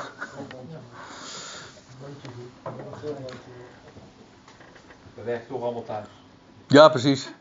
En, en er is toch, toch geen baas die controleert. Hè? Oh, wat zeg, ik nou, wat zeg ik nou weer? Oh, wat denk jij René? Als baas? jij, jij, hebt wel controle over je personeel natuurlijk. Goed. Um, de vierde, die vierde boodschap, hij goot zijn, die goot zijn schaal uit. En nu over de zon, maar dat is, loopt synchroon met die vierde bazuin. En hem werd gegeven de mensen te. Ja, goh, sorry dat het, het, uh, ik, ik had uh, u al gewaarschuwd. Het is heftig om de mensen te verbranden in vuur. Maar let op. Eerst, want bij de bazuin, bij die bazuin lezen we, bij die vierde bazuin, eerst wordt het, atmosferische licht, dan wordt gesproken over het, licht van zon, maan en sterren, voor een derde deel verduisterd. Laten we eerst uh, dat even zien. We gaan eerst even naar die vierde bazuin. Openbaring 8 weer. En de vierde uh, boodschapper, die bazuinde. En het derde deel van de zon werd getroffen. Ik neem aan ook het zonlicht. En het derde deel van de maan. En het derde deel van de sterren. Opdat het derde deel daarvan verduisterd zou worden. Dus het gaat inderdaad over het zon, maan en sterrenlicht. En, de, en de dag voor het derde deel niet verscheen en de nacht evenzo. Eerst even dit. Uh, het gaat dus in eerste instantie bij die bazuin een, uh, dat het, het, derde deel van het licht, van het atmosferische licht, ongeacht of dat nou van de zon of de maan of van de sterren is, dat wordt uh, verduisterd. Some way, somehow. Ik weet ook niet hoe, maar dat wordt hier gezegd. En, maar daar blijft het niet bij, want in, bij die vierde schaal is opnieuw is ook weer de zon het onderwerp. Alleen dan is er geen sprake meer van verduistering. Maar dan wordt uh, die zon wordt verschrikkelijk heet. En hem werd gegeven de, de, de mensen te verbranden in vuur. Nou, dan lees je, en de mensen werden verbrand door de grote hitte. Dat betekent niet dat ze in vlammen opgingen. Gingen, want er staat namelijk voor achter. En ze lasterden de naam van God en zo. Ze gingen niet dood. Nee, ze verbranden. Zoals wij dat trouwens ook zeggen dat, dat uh, het licht, het zonlicht, je kan verbranden. Ik weet er alles van. Uh, want het is mij diverse keren overkomen. Dat heb je als je zo'n hele blanke huid hebt. Dan, dan gebeurt. Ja, Wolter, jij hebt daar niet zo gauw last van. Maar ik wel. Maar in ieder geval. en over die verbranding. Gewoon dat je dus niet naar buiten kan. U zegt, hé, hey, dat ken ik. Nee, maar dat. En of dan Tedros of de WHO dan ook zegt van je mag niet naar buiten, dat weet ik niet. Uh, kijk, bij een echte ramp hoef je dat helemaal niet te verbieden. Want de mensen kijken zelf wel uit. Nou ja. Dat is ook een nadenkertje trouwens. Waar is het voor nodig? Als, als het echt serieus is, nou dan kijk je zelf wel uit hoor. Daar hoef je helemaal geen verbod voor uit te vaardigen. Nou ja, goed tot zover de politiek. Uh, dan, uh, en de mensen werden verbrand door de grote hitte. Dus inderdaad, dan kun je gewoon niet buiten lopen. Daar komt het op neer. En ja, ja dat was waar, waar ik aan moest denken. Mensen maken zich zorgen over de opwarming van de aarde. Uh, gaat de aarde opwarmen? En ik kan u inderdaad verklappen, dat gaat die. En, maar acties van Save the Planet of zo doen daar niks aan af. Want dit gaat gebeuren. En is trouwens, dit hier is niet eens mensenwerk. Nee, het is een boodschapper die van Gods wegen inderdaad die schaal uitwerpt. En dat inderdaad de zon zo heet wordt dat je buiten niet meer kan komen, dat je gewoon verbrandt. Hoe lang dit gaat trouwens gaat duren, dat is een, uh, weet ik niet. Ik, van één, van één uh, bazuin weten we hoe lang dat duurt. En dat staat er, dan wordt er namelijk uitdrukkelijk bij vermeld, vijf maanden. Hoe lang die periode van de, uh, van de schalen in zijn totaliteit gaan duren. Ik denk een paar jaar, maar dat is een onderwerp apart. Daar moeten we het nog maar eens een keer over hebben. Ik kan daar op dit moment te weinig argumenten echt voor onderbouwen om te zeggen van zo lang zal het zijn. Maar goed. Als de Bijbel het niet aangeeft, ja, waarom zouden wij daar dan over gaan speculeren? Hier, hier, het, is duidelijk wat hier bij die, bij die vierde schaal gebeurt. De mensen werden verbrand door de grote hitte. En ik moet u zeggen, om dan toch eventjes nog dat de politieke uitstapje te maken in die zin dat de wereld zich druk maakt inderdaad over de opwarming van de aarde. Ja. Uh, als je, kijk, als je denkt dat wij het allemaal in handen hebben, dan ga je dus al die ingrepen, dan ga je van alles uit, uit de kast halen. En, maar je, mensen vergeten één dingetje. Eén dingetje. En dat is hem. Sorry dat ik het zo zeg, want ik bedoel gewoon, ze vergeten één ding. Ja, maar daar gaat het nu juist om. Dat zei de Heer Jezus ook, hè? Eén ding, dat zei hij tegen Maria. Eén ding uh, is slechts nodig. Er was er ook één. Oh ja, dat was die rijke jongeling, ja. Tegen wie gezegd wordt: één ding ontbreekt je. Eén ding maar. Ja, maar dat, gaat, dat is niet juist cruciaal. En dat is hier ook zo. De, mensen hebben oog voor alles. Ze zijn zo clever. Oh, de mensen zijn zo verschrikkelijk clever. Daarom komt die stad Babylon er straks ook weer. En dan kunnen ze alles. Ja. Totdat er iemand van bovenaf komt en die moet gaan kijken hoe die, die toren, weet je wel. Ja, dat is, gewoon- ik vind dit humor. Echt. Eh, dit zijn dramatische dingen. Ik doe daar niks van af. En als je het grote geheel, en ik kan u echt aanbevelen om dat altijd in de gaten te houden, het grote geheel, dan wordt dit echt humor.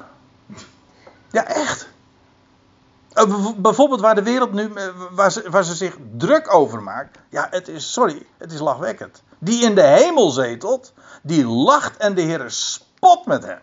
Over al die bloedserieuze dingen waar de wereld over zit te vergaderen. En, en, en alle eh, communicaties met a- aanva- uitvaardigt. En van alles uit de kast haalt. En, en miljarden in pond. En, nou, et cetera en zo. En ze denkt dat ze gewichtig bezig is. En het gaat nergens over. Het gaat helemaal nergens over. En de Heer blaast en weg. Kijk, dat is openbaring. Als hij openbaar wordt, die nu nog verborgen is, dan gaat er wat gebeuren. Ja, en dat, dat zie je hier ook. De wereld maakt zich druk over, inderdaad, over, die, over, die, over de opwarming van de aarde. En dan, krijg, en dan komt er zo'n vierde schaal langs, hè, die uitgegoten wordt. Nou, dan lees je, dat is even andere koek hoor. Maar ik moet er ook bij zeggen, er zit een hele goed, goed nieuws bij. Want de wereld die denkt van dat als wij nou niet ingrijpen, dan gaat de hele, dan gaat de hele planeet, zo noemen ze dat dan, wat de aarde niet is, maar goed, eh, naar de Filistijnen. Of ja, dat is, een aardige beeldspraak trouwens in dit geval. En dan, dan blijft er niks van over. Dat denken ze. Nou, dat is helemaal niet waar. Deze aarde gaat nog heel lang mee, nog minimaal duizend jaar. En God heeft zijn plannen en zijn beloften daaraan verbonden. En of de mens daar nou mee eens is, of die nou wat doet. En of die, wat die nou ook in de. Ja, ik weet dat mensen dan zeggen van. Oh, dus jij vindt dat je niet zuinig moet wezen met de, met de dingen enzovoort. Daar gaat het niet om. Maar als mensen denken. Dat dat bijdraagt aan Gods koninkrijk. Hè, en dat dat hier gevestigd wordt op aarde. Nou, dan heb je toch echt een verkeerde afslag genomen hoor. En dan dwaal je dus, hè? Dat is altijd zo als je de verkeerde afslag neemt. En staat er nog bij. Ja, ik moet het afronden nu. En, zij, en staat erbij. Zij lasterde de naam van God. Die de volmacht heeft over deze rampen. Hier zie je dus dat men donders goed weet. wie hier inderdaad acteert. Hè? Wie hier handelt. Namelijk, zij weten. Dit heeft alles te maken met dat koninkrijkje. dat daar nu begonnen is in, in het Midden-Oosten. En die God en zijn gezalfde. En dat volk wat hij daar verzameld heeft. En zij lasten de naam van God en ze weten, want ja, dat, land, dat landje dat heeft helemaal geen last hiervan. Vraag me niet hoe, dat hoef ik ook helemaal niet te weten. Dat laat ik rustig aan de Almachtige over. Zij lasten de naam van God die de volmacht heeft over deze, over deze rampen. Aha, dus dat betekent dat er een God is en hij gaat hierover en hij regelt dat. Rechtvaardig, zuiver, proportioneel en ook eh, effectief. Dat wil zeggen, het, eh, als het zijn doel bereikt heeft, dan houdt het ook op. En staat er dan nog bij, en dat is iedere keer ook een refrein bij deze gerichten, bij deze rampen. En zij bezonnen zich niet. Om hem heerlijkheid te geven. En dat is nou dat ene wat men dus net vergeet. En daar gaat het nou maar om. Zouden ze dat doen, zou het heel anders wezen. Nou ja, dat is een ongelegd ei, dat weet ik ook wel. Dit gaat zo gebeuren. Maar niettemin, uh, zij bezonnen, hier staat hier in het Grieks het woordje metanoia. Wat paranoia is, dat weten we inmiddels allemaal wel. Maar uh, metanoia, noia heeft te maken met de denkzin. Noia, het denkvermogen. Dat meta is een, is een, een, uh, een voorzetsel, net als para. Para betekent ernaast, dan zit je ernaast met je denkzin. En uh, Er zijn nog meer werkwoorden. Ja, je hebt eh, allerlei eh, voorzetsels. Maar dit is metanoia. Dat woordje meta, eh, dat betekent letterlijk om. Dus als je het heel letterlijk vertaalt, is het omdenken. Eventueel, meta kan ook na zijn. En dan is nadenken. In beide gevallen heb je een keurig, perfect Nederlands woord. Namelijk omdenken of nadenken. En in beide gevallen worden we geattendeerd op de denkzin. Mensen worden in feite opgeroepen hun verstand te gebruiken. Dit is maar geen religieuze ervaring of zo. Dat ze, er staat in de MBG-vertaling dat ze zich bekeerden. Klinkt, is veel te religieus. Het is echt, mensen worden opgeroepen, juist door al die signalen, die crisissen die hier plaatsvinden, om hun verstand te gebruiken. Luister nou naar die God die hier optreedt. Ze weten het. Ze weten wie hier optreedt. En tegen beter weten in, ja, blijven ze en lasteren ze deze God. Dat is het domste wat je kan doen. Daarom worden ze opgeroepen om, eh, gebruik je verstand. Ja, nou ja, eh, ze bezonnen zich niet. En dus eh, er volgen nog een paar schalen. Het komt goed. Maar daar gaan we het de volgende keer over hebben. Want nu gaat valt deze dia stil. Maar ik heb er nog meer hoor. Maar ik heb ze al klaargemaakt, de diaatjes. Maar daar gaan we het de volgende keer over hebben. Want eh, over die laatste drie schalen, de vijfde, de zesde en de zevende, daar hebben we, om even in de beeldspraak te blijven, onze handen aan vol. ja. Want eh, dan, eh, dan gaan we het onder andere ook nog hebben over dat Harmageddon, over Babylon.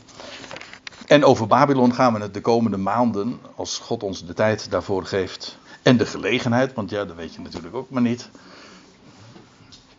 Want als u hier nu allemaal met mondkapjes moet gaan zitten, dan kap ik ermee hoor. Dan kap ik ermee. Hè?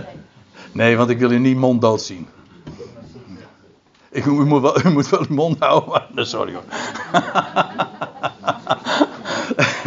ja, ja. Maar goed, eh, eh, zover is het allemaal nog niet. Eh, ik hoop van harte dat we in vrijheid en blijheid. En, en anders gaan we gewoon ondergronds. Hè? Ja. nou ja, hoe dat allemaal gaat, weet ik niet. Ik ben blij dat we hier vanavond weer eens een keer konden zijn. En ik stel voor dat we deze avond nog gaan afsluiten met dankgebed. Machtige God en Vader, we danken u voor dit samen zijn. Voor het feit dat we weer in de gelegenheid waren om hier bij elkaar te komen. En het woord van u te openen. Wat is het geweldig om in een donkere wereld werkelijk dat licht te zien en te verstaan. En in uw licht ook het licht te zien. En dat is soms buitengewoon heftig. Zoals we deze avond ook hebben bezien in hoofdstuk 16 van Openbaring. Crisissen, rampen, oordelen en toch het licht van een rechtvaardige God die alles rechtzet en terecht brengt. Dat is adembenemen. Dat is zo geweldig groots. En wat is het geweldig dat we die God mogen kennen. Die alles, maar dan ook werkelijk alles. En ook iedereen uiteindelijk op zijn tijd en wijze tot zijn doel gaat brengen. We danken u voor dat goede bericht dat u ons hebt bekendgemaakt. Dat u onze ogen en oren en harten daarvoor geopend hebt. Dat is werk van u en niemand anders.